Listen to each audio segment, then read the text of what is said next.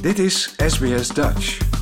Op sbs.com.au slash Dutch staan nog meer interessante verhalen.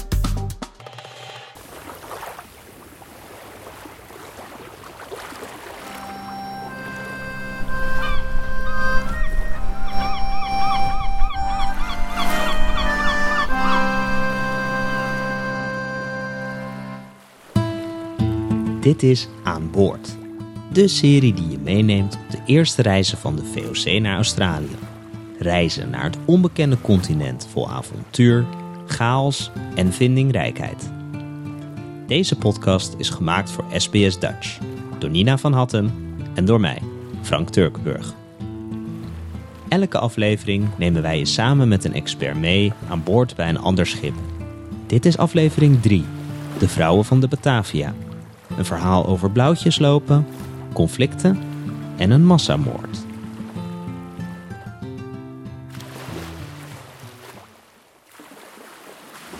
Het is 29 oktober 1628. Bij de ankerplaats in Texel is het druk. Water klotst tegen het donkere hout van het spiksplinternieuwe 46 meter lange schip, de Batavia. Een handvol grote kisten wordt in het ruim van het schip geladen. Ze zitten vol met muntgeld, zilverwerk en dure juwelen. Op de kade staat Lucretia Jans te wachten, samen met dienstmeisje Zwaantje Hendricks. Lucretia is een chique dame. Ze is een rijke koopmansvrouw en kan niet wachten om haar man na al die jaren weer te zien. Haar man is VOC-koopman en is eerder al naar Indië vertrokken. Lucretia loopt via de brug het schip op. Ze is blij dat ze op het luxe deel van het schip zit, tussen de officieren. En niet tussen het scheepsvolk. Die moeten slapen op zakken stro en zitten opgepropt in het voordek. Dienstmeisje Zwaantje hobbelt achter haar aan. Dan geeft opperkoopman Francisco Pelsaert het teken de ankers te lichten en de zeilen te hijsen. De zeilen vallen naar beneden en vangen de wind. Daar gaan ze, op weg naar de gelijknamige stad in Nederlands-Indië. Op naar Batavia.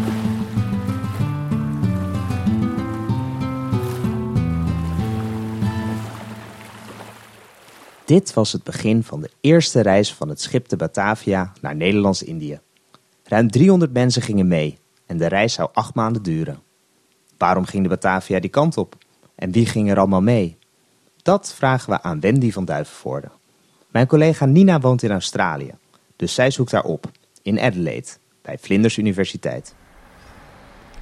Hoi Wendy. Hoi, ik zie jou. Oh, je ziet mij. Top. Maar ik kan jou even niet. Oh, ik kan die kant op. Ja. Hoi. Hey, hallo. Even kijken. Oh, volgens mij... Wendy is een vrolijke maritiem archeoloog en doet al bijna 20 jaar onderzoek naar VOC-schepen. Ze neemt Nina mee naar haar werkkamer. Overal liggen boeken over schepen. De kasten puilen uit. Bovenop die propvolle kasten staan modelschepen. Eén daarvan is de Batavia. Batavia was een, was een heel groot schip. Het was het vlaggenschip van ehm, de vloot, die in 1628 in oktober vertrok uit Nederland. Ehm, het schip was ongeveer 600 ton. Het had ehm, natuurlijk geschut aan boord eh, met poorten waar kanonnen uitstaken, zodat het schip beschermd kan worden. Ja, het was natuurlijk het vlaggenschip van de VOC. Wat was de bestemming? Waar gingen ze naartoe? Batavia ging weg uit Nederland met zes andere schepen om, uh, om natuurlijk um, de kruiden, de kaneel en de peper en de lading um, van de VOC op te halen voor dat jaar. Um, en natuurlijk om bouwmaterialen te brengen naar uh, Batavia. De Nederlanders waren toch wel een beetje anders dan de andere Europese naties die in Indische Oceaangebied rondvoeren. In dat ze alles meenamen. En ja, als je dan bedenkt dat er op een schip wat ongeveer um, 46 meter lang is, uh, met maar twee dekken, um, dat daar meer dan 300 of dat er 303 mensen aan boord waren, inclusief vrouwen en kinderen. Um, dat moet enorm vol geweest zijn. En ja, je zal heel weinig privacy gehad hebben op zo'n schip. Het zat tot de nok vol. En wat voor mensen gingen er mee op het schip? Dus je hebt zeg maar de bemanning die nodig was om zo'n schip zeilende te houden. Maar bijna de helft van de mensen aan boord van de Batavia waren passagiers. En dat waren ehm, zowel soldaten die ehm, in dienst zouden gaan ehm, in Batavia, en het kasteel Batavia of andere uh, Nederlandse forten in uh, Zuidoost-Azië te helpen te beschermen en te verdedigen. En er was een groot gedeelte van vrouwen en kinderen aan boord, of tenminste niet zo'n groot gedeelte. Er waren er 38 in totaal die dan um, naar Zuidoost-Azië gingen. Een paar daarvan um, waren al getrouwd en gingen naar hun man, zeg maar. Maar de meeste waren dat niet. En dat waren toch voormalige, zeg maar, weeskinderen of vrouwen die ooit wees waren, die naar Batavia gestuurd werden om daar een gepaste echtgenoot te zoeken. En de bevolking aan te wassen. Dat er meer vrouwen meegingen creëerde best wel een beetje onrust op het schip.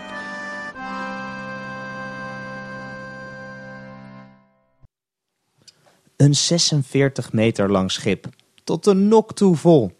Je kan je voorstellen, zo'n schip waar de bemanning en passagiers maandenlang opeengepakt zitten. Dat kan bijna niet goed gaan. Het schip dobbert over de open zee richting Kaap de Goede Hoop. Lucretia kijkt uit over het klotsende water. Ze is geïrriteerd. De schipper, Adriaan Jacobs, probeert haar de hele tijd te versieren. Al meerdere keren heeft hij zich opgedrongen. Ze wijst hem elke keer af. De trotse schipper Adriaan loopt keer op keer een blauwtje en raakt gefrustreerd.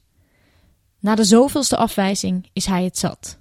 Hij stookt een groep matrozen op om wraak te nemen. Het is nacht. Lucretia ligt lekker te slapen in haar scheepshut. Het schip wiegt heen en weer. Matrozen stormen de scheepshut binnen en sleuren haar uit bed. Het is donker. De grote handen van matrozen pakken haar vast en besmeuren haar met pek. Besmeurd en in shock ligt Lucretia op de grond van de scheepshut. Ze mist haar man. Lucretia meldt het incident bij de opperkoopman, Francisco Pelsaert. Hij doet onderzoek en schrijft het incident op, maar onderneemt geen verdere actie. Schipper Adriaan besluit om zijn avances te richten tot Zwaantje, Lucretia's dienstmeisje. Met succes.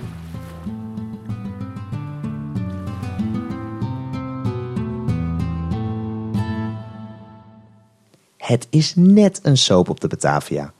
Blauwtjes lopen, elkaar opjutten en er vandoor gaan met het dienstmeisje.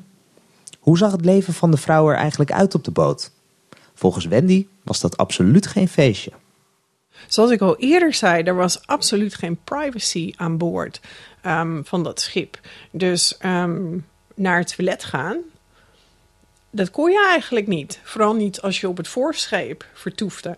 Um, dan zal je misschien over de kant gehangen hebben. Of misschien hebben er emmers gestaan die dan geleegd moest worden. Um, dat kan absoluut geen frisse bedoeling geweest zijn. Zo'n schip zal enorm smerig geroken hebben. Um, en dat was ook iets wat we weten van bijvoorbeeld prenttekeningen die de Chinezen maakten in de 17e eeuw. Um, van Nederlandse, maar ook Engelse um, zeemannen. Dat ze heel erg ruiken en stinken en dat dat allemaal, allemaal niet zo hygiënisch was. En dan moet je je natuurlijk ook afvragen hoe deden die vrouwen dat als ze hun maandelijkse menstruatie hadden. Um, dat kan absoluut geen, uh, geen pretje geweest zijn. We weten ook dat Um, en niet zozeer van het um, historisch onderzoek, maar van de opgravingen die we hebben gedaan, dat er baby's aan boord waren die waarschijnlijk geboren zijn aan boord het, tijdens de reis. En dat kan ook niet zo een makkelijke bedoeling geweest zijn. En dan zijn er nog verhalen van vrouwen die zwanger geweest zijn en geworden zijn tijdens de reis. Ja, ja. en um, was er dan verschil? Want we hebben Lucretia en, bijvoorbeeld, en dat dienstmeisje. In hoeverre was er verschil in hoe zij op dat schip zaten? Lucretia en haar dienstmeisje hadden een, um, een vertrek in het achtersteven van het schip. Dus meer bij de hoger gerankte um, officieren en passagiers. Maar de andere vrouwen zullen op het voorschip um, vertoefd hebben. En dan heb je het al gauw over de rest van de, nou, nou toch een stuk of dertig ja. En dan moet je ook bedenken dat je als vrouw en kind um, tussen 200 ehm, plus mannen zitten voor negen maanden. Terwijl je gewoon niet even weg kan lopen. Het opgepropte schip komt na heel wat zeemijlen aan in Kaap de Goede Hoop. Daar gaan ze aan land en er wordt veel gedronken. Schipper Adriaan vermaakt zich goed met Zwaantje. En na Kaap de Goede Hoop vertrekt het schip richting Java. Maar dan moeten ze wel de goede afslag nemen. De Nederlandse VOC-schepen voeren naar Zuidoost-Azië en naar Batavia via een route die we beter kennen als de Brouwersroute. En het idee was dat als je bij de Kaap de Goede Hoop was aangekomen en je ging dan weer weg, dan, ging je, um, dan zeilde je naar het zuiden totdat je um, de Roaring Forties tegenkwam. Dus zeg maar ergens op de um, breedtegraad tussen 35 en 45 graden. dan, dan kreeg je die wind achter in de zeilen. En dan nam je zeg maar een afslag. Die je recht over het zuiden van de Indische Oceaan bracht. En dan met de wind van achteren, dan wisten ze dat ze zo'n duizend nautische mijlen moesten varen. En dat is ongeveer 1800 kilometer. Wisten ze dat ze dan naar het noorden moesten afslaan. En als dat goed ging, dan vaarden ze zo tegen Java aan. Ehm, maar af en toe ging dat niet zo goed. Want als je bijvoorbeeld te zuidelijk insteekt, dus als je naar de Kaap te ver zuid gaat, dus bijvoorbeeld meer rond de uh, breedtegraad van 45 graden terechtkomt, of zelfs nog een beetje zuidelijker, dan na 1800 uh, ehm, kilometer, dan zit je op de West-Australische kust.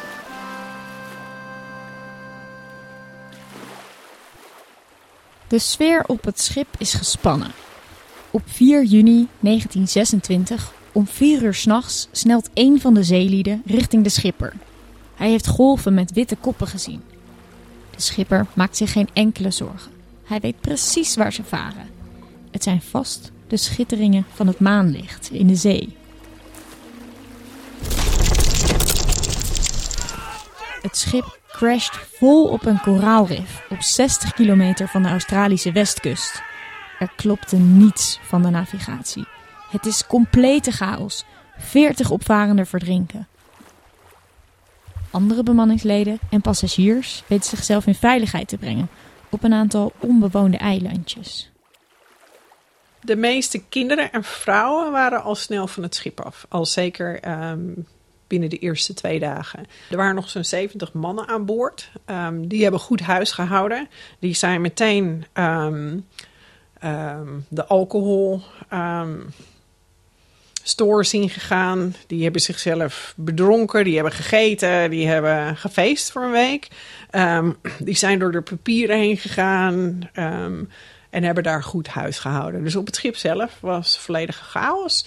De, dat zijn er ongeveer 70 die zijn achtergebleven. Uh, maar dan heb je het dus over meer dan 200 mensen die op dat moment op de eilanden uh, terechtgekomen zijn. De eilandjes liggen er prachtig bij. Het zijn platte, onbegroeide eilandjes waarvan de grond bestaat uit stukken wit koraal. Ze worden omringd door azuurblauwe zee. Er zwemmen dolfijnen, haaien en de zon schittert op de golven. Maar er is helemaal niets. Geen water, geen eten, niets. De overlevenden stikken van de honger en dorst. En opperkoopman Francisco Pelsaert besluit met een sloep met 48 mensen naar Batavia te varen om hulp te zoeken. Hij neemt schipper Adriaan mee en ook Zwaantje en een vrouw met een babytje van twee maanden gaan aan boord. Francisco geeft de leiding aan Cornelis Corneliszoon. Hij zal orde houden op de eilanden, terwijl zij zo snel mogelijk hulp gaan halen. Lucretia blijft achter op een van de eilandjes.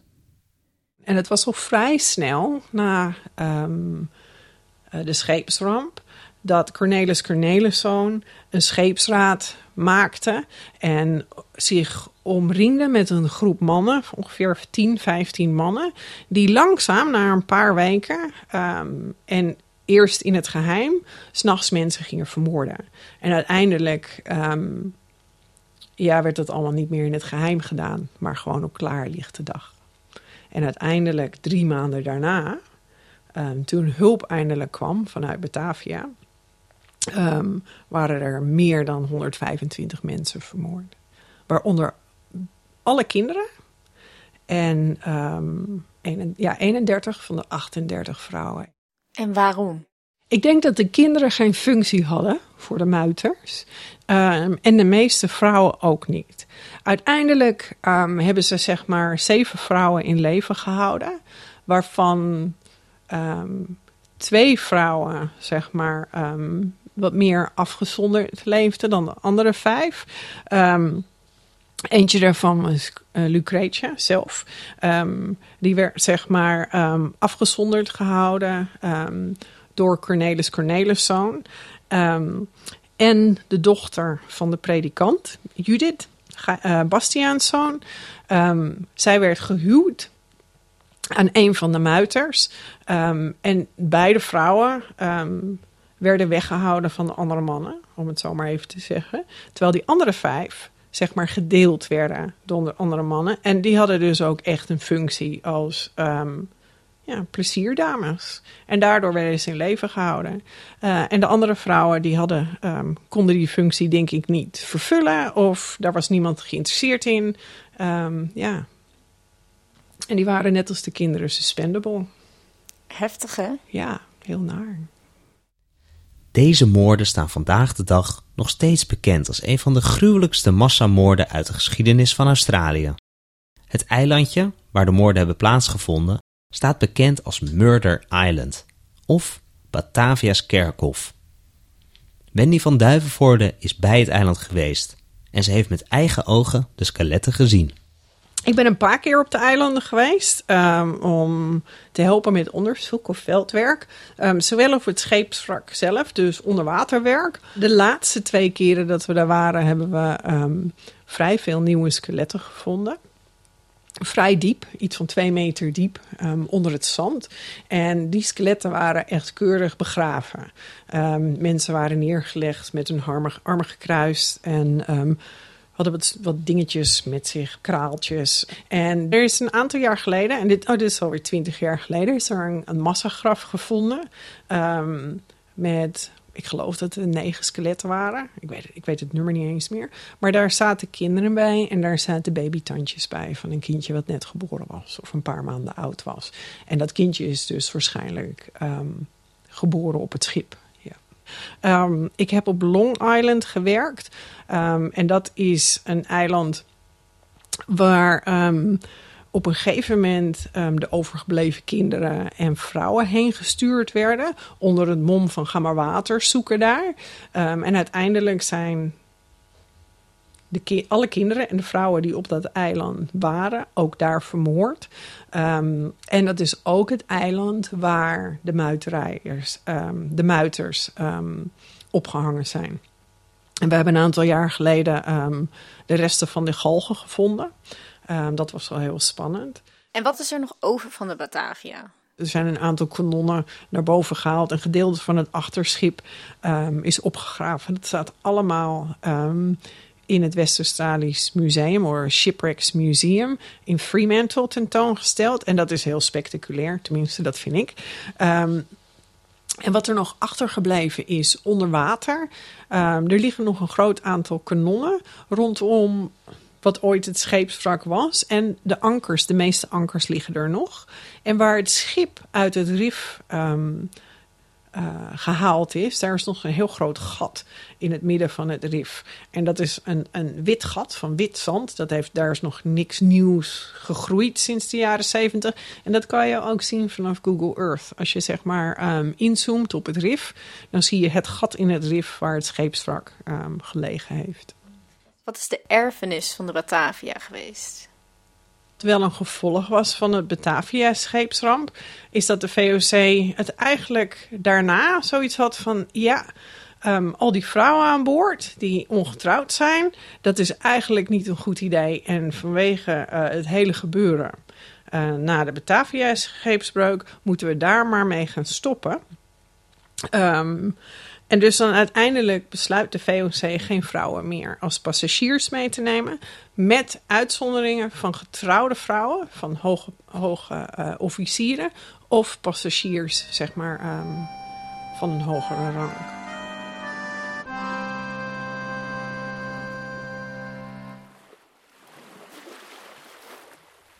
Na een vreselijke tijd op de eilanden wordt Lucretia gered. Ze gaat naar Batavia. Maar als ze in Batavia aankomt, wacht haar een schok. Haar echtgenoot is inmiddels overleden. En zij, zij wordt ervan verdacht betrokken te zijn bij de gruwelijke moorden. Ze wordt verhoord en ze proberen haar te dwingen om te bekennen, mogelijk door haar te martelen. Maar ze blijft volhouden dat ze onschuldig is. Ze wordt uiteindelijk niet veroordeeld. Ze wordt vrijgelaten en trouwt met een nieuwe man. Vrijwel alle deelnemers aan de muiterij kregen de doodstraf. En Zwaantje Hendricks werd ook vastgezet. Maar wat er daarna met haar is gebeurd, is een raadsel. Ze is verdwenen uit de archieven van de VOC. Dit was Aan Boord, een serie van SBS Dutch. Gemaakt door mij, Frank Turkenburg en Nina van Hattem. Met dank aan Wendy van Duivenvoorde. Volgende week hoor je aflevering 4, de missie van de Vossenbos.